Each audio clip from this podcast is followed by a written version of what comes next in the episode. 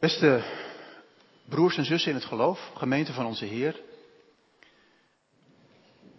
Onbevangen op weg gaan is zo simpel nog niet. Als je in het woordenboek kijkt naar wat onbevangen betekent, dan vind je synoniemen als onbevooroordeeld, onbeschroomd, ongedwongen, onomwonden, onverbloemd. Of als je naar de positieve synoniemen kijkt, de tegenovergestelde, dan krijg je zoiets als. Niet de tegenovergestelde, maar de positief geformuleerde, geformuleerde synoniemen. Dan staat er zoiets als openlijk, frank en vrij, ongeremd, um, vrijmoedig, open-minded. Nou, ik weet niet hoe het u vergaat, maar dat is nog niet zo simpel om echt met een open blik naar de dingen te kijken. Zeker als je van alles achter de kiezen hebt en hebt meegemaakt. Om bijvoorbeeld deze jaarwisseling te beleven met een hele open mind. En alsof er dit jaar niks is gebeurd, een nieuw jaar volledig als een blanco vel tegemoet te treden. Wij mensen zijn zo onbevangen niet, van nature.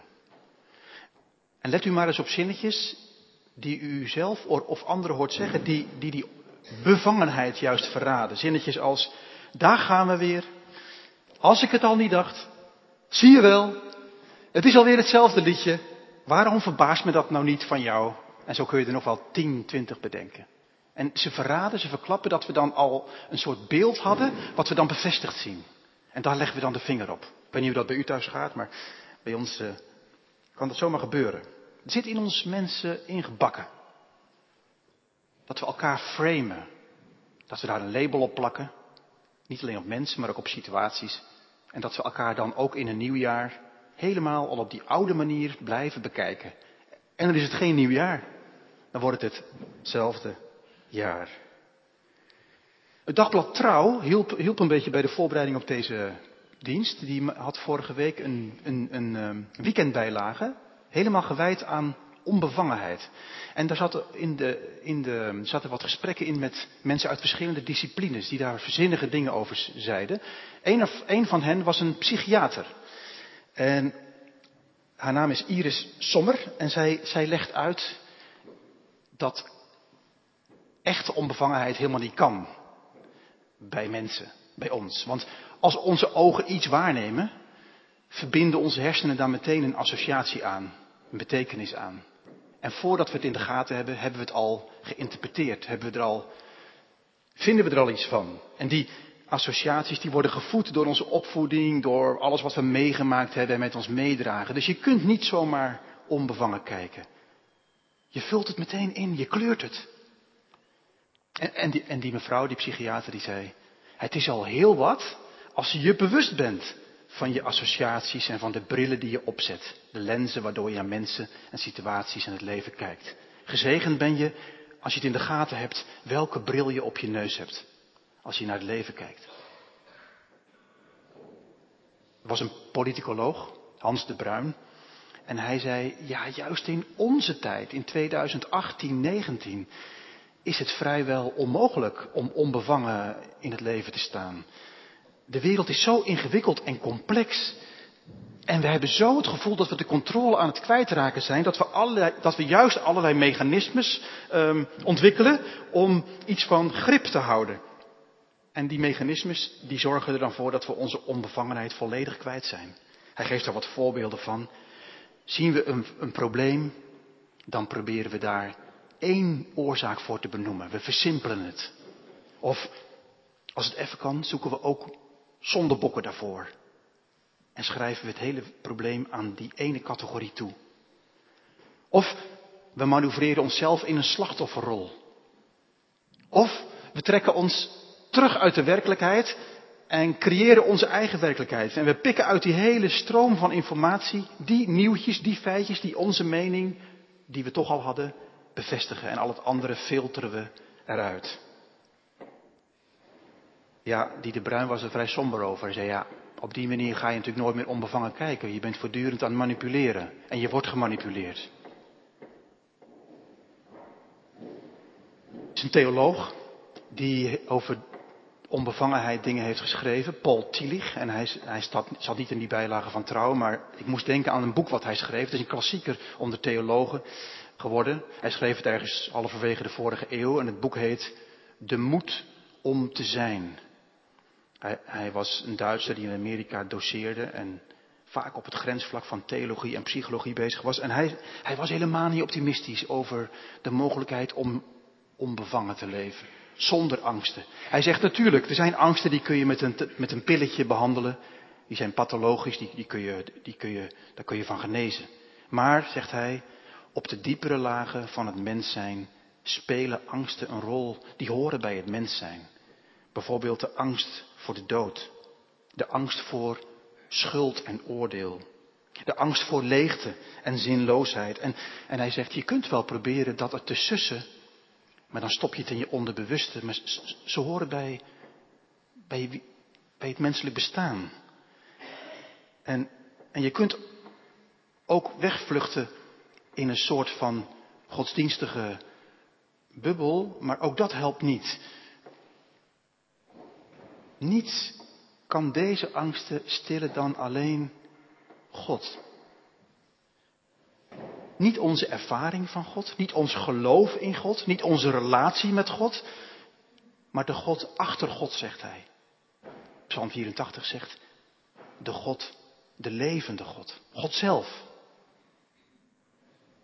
En Tillich zegt, dat is de God die mij aanvaardt, inclusief mijn angsten, inclusief mijn zonde, mijn schuld. Je bent aanvaard, was zijn meest beroemde preek. En, en hij vond daar rust in. De God die mij aanvaardt, helpt dat ik met die angsten kan leven. Want ik ben aanvaard, inclusief mijn angsten. En daarmee zijn we in Bijbels vaarwater gekomen. We komen in de Bijbel heel wat mensen tegen die bevangen zijn door angst. Niet alleen in het Oude Testament, want daar verwacht je het misschien. Met al dat geweld en duistere gebeurtenissen. Maar juist ook in het Nieuwe Testament. Jezus' leerlingen, op, juist in het Marcus-evangelie, lees je dat op allerlei sleutelmomenten in het evangelie die leerlingen bevangen werden. En ze werden bevangen door schrik. En bijna op iedere bladzijde zou je kunnen zeggen van de Bijbel lees je wel een keer, vrees niet, niet bang zijn mensje, vrees niet.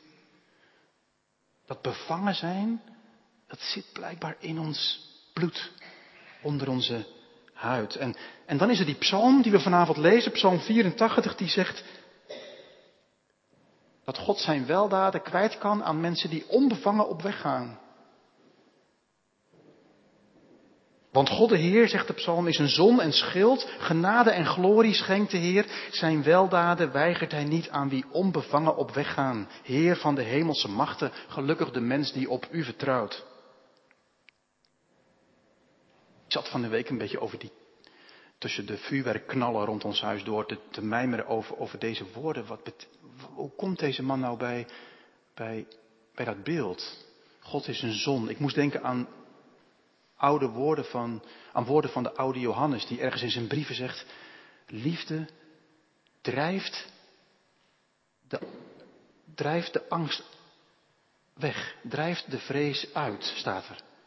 En toen dacht ik, misschien heeft die psalmist daar wel aan gedacht. Dat hij heeft gedacht aan zoals de zon s'morgens op kan gaan en dan majestueus en onweerstuitbaar de duisternis verdrijft en daarmee de nachtdieren, de schimmen, de spoken verdrijft. En met licht en warmte nieuw leven wakker roept. Zoiets proef ik in dat slot van die psalm. God de Heer is een zon. En een schild. Genade en glorie schenkt de Heer. Zijn weldaden weigert hij niet aan wie onbevangen op weg gaan. Weet je waarom ik zo van de psalmen hou? Ze zijn zo robuust en zo realistisch. Want als je nou denkt bij deze tekst, is het niet een beetje te optimistisch? Is het wel een, iemand die leeft? Is het niet een soort vlierde fluiter die in de zonneschijn een beetje leuke liedjes zit te pingelen op zijn gitaar? Nou vergeet het maar. Hier is een, een koragiet aan het woord, een tempelzanger, die, die het leven peilt. En, en in die psalm proef je dat. Want God is dan wel een schild, maar dat betekent nog niet dat je niet hoeft te vechten. En En er zijn in deze psalm dorre streken waar je soms dwars doorheen moet. Maar juist in de dorste streken, in de meest dorre streken, blijkt God soms ineens een bron te zijn. Of een milde regen. En, en soms dwaal ik, zegt de psalmist, wel duizend dagen elders in de tenten van de goddeloosheid. Dat, dat, dat, zijn, dat is een manier van leven zonder God, zo vlak, zo akelig leeg en plat en hol. En ik voel me er zo gemakkelijk thuis dat ik er wel duizend dagen ben, zegt de psalmist. Tot er ineens een dag is waarop God weer binnenstapt. En, heel, en ik weer begin te leven. God is weliswaar een zon, zegt de psalmist, maar hij moet dan toch wel elke dag opnieuw opgaan. En de duisternis in en om mij heen verdrijven. Anders blijft het nacht. Mijmerend over deze psalm dacht ik ook aan oude regels van Huub Oosterhuis, een dichter die in ons liedboek ergens schrijft. Het is een gebed. Hij zegt dit. Ik vind ze prachtig. Wek mijn zachtheid weer. Geef mij terug de ogen van een kind, dat ik zie wat is en mij toevertrouw en het licht niet haat. Wek mijn zachtheid weer. Geef mij terug de ogen van een kind. Dat ik zie wat is en mij toevertrouw en het licht niet haat. Kijk, dat is bijbels denken. In de Bijbel is dat onbevangen leven, wordt verbonden met het plaatje van een kind. En, en Jezus heeft het daar vaak over. Zegt hij tegen de mensen om hem heen, de leerlingen en de, ook de schriftgeleerden, iedereen zegt hij, weet je wat jullie zouden mogen leren? De levenshouding van een kind, dat onbevangene. Dat zijn jullie kwijtgeraakt. Het is soms zo zuur bij jullie, zo cynisch, zo verbitterd, zo verstart, zo gestold. Wat is het toch met jullie? Kijk eens naar een kind en dan zet een jongen of een meisje neer en zegt, kijk nou toch eens naar het kind. Is er nog iets van dit kind in jou aanwezig? In Gods naam? Of is het gestorven? En is het allemaal gelabeld en vastgepind en is er geen beginnen meer aan?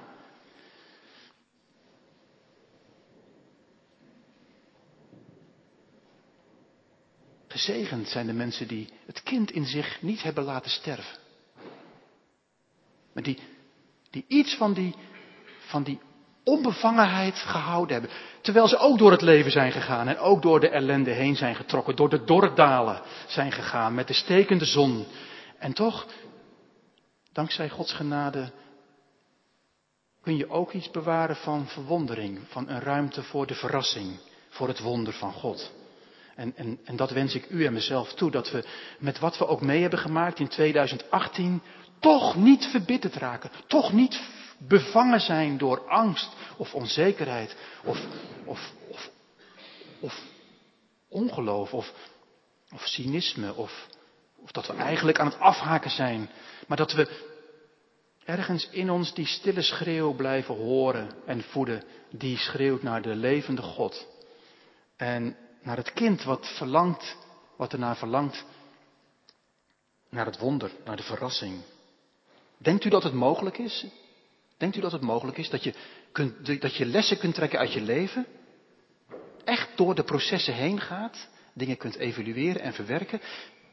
En, en ook als dat pittig is en moeilijk en zwaar, en dat je tegelijkertijd ook iets van openheid en onbevangenheid kan houden. De psalmist zegt dat je dan gezegend bent. Want dan, ja, dan ben je ook in 2019 open voor wat God je wil geven. Aan momenten van genade, aan momenten van glorie. Een nieuw begin. Soms in de meest dorre streken. Ja, wie zo op weg gaat, u, jij of ik, die zal ook in 2019 verrast worden door de levende God. Want God, de Heer van de hemelse machten, weigert zijn weldaden niet aan wie onbevangen op weg gaan. Dat is mijn vraag aan jou vanavond en aan mezelf. Wat zijn dan toch die brillen, die lenzen, niet letterlijke brillen, maar wat zijn dan toch die, wat zijn dan toch die, die vooroordelen, dat, dat, wat, dat wat ik dit jaar misschien wel, wat ik kwijt zou mogen raken, wat, wat ik misschien in het licht zou mogen brengen?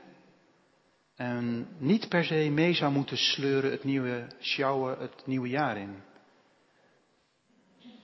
Is onze gemeente een oefenplek in onbevangenheid, vroeg ik me nog af. Uw werkplek? Ook? Uw, uw kring van vrienden? Zijn dat oefenplekken in onbevangenheid of, of zijn het broedplaatsen van bevangenheid en zitten we elkaar al te lang te labelen, in te delen? Mijn gebed voor onze gemeente is dat het een oefenplek zal zijn en blijft voor onbevangenheid. En onze gezinnen. En onze huwelijken. En onze vriendschappen. En we steeds opnieuw door Gods genade iets van een nieuwe kijk op elkaar mogen ontvangen. Ons laten verrassen. Wat mij betreft is dat de grote zegen van christen zijn, eerlijk gezegd. Dat je, dat je staat in een lange traditie van, van stemmen, zoals deze psalmist, maar ook Paul Tillich en al die anderen, die je ontregelen. Die je spiegelen, die, die je uit je evenwicht halen en die je naar jezelf laten kijken. Zodat je lenzen aflegt, brillen aflegt en opnieuw leert kijken. Wek mijn zachtheid weer. Geef mij terug de ogen van een kind, dat ik zie wat is en mij toevertrouw. En het licht niet haat. Gezegend ben je. Als je zo op weg gaat naar 2019, dan vind je vast ook de gebaande wegen naar God. Amen.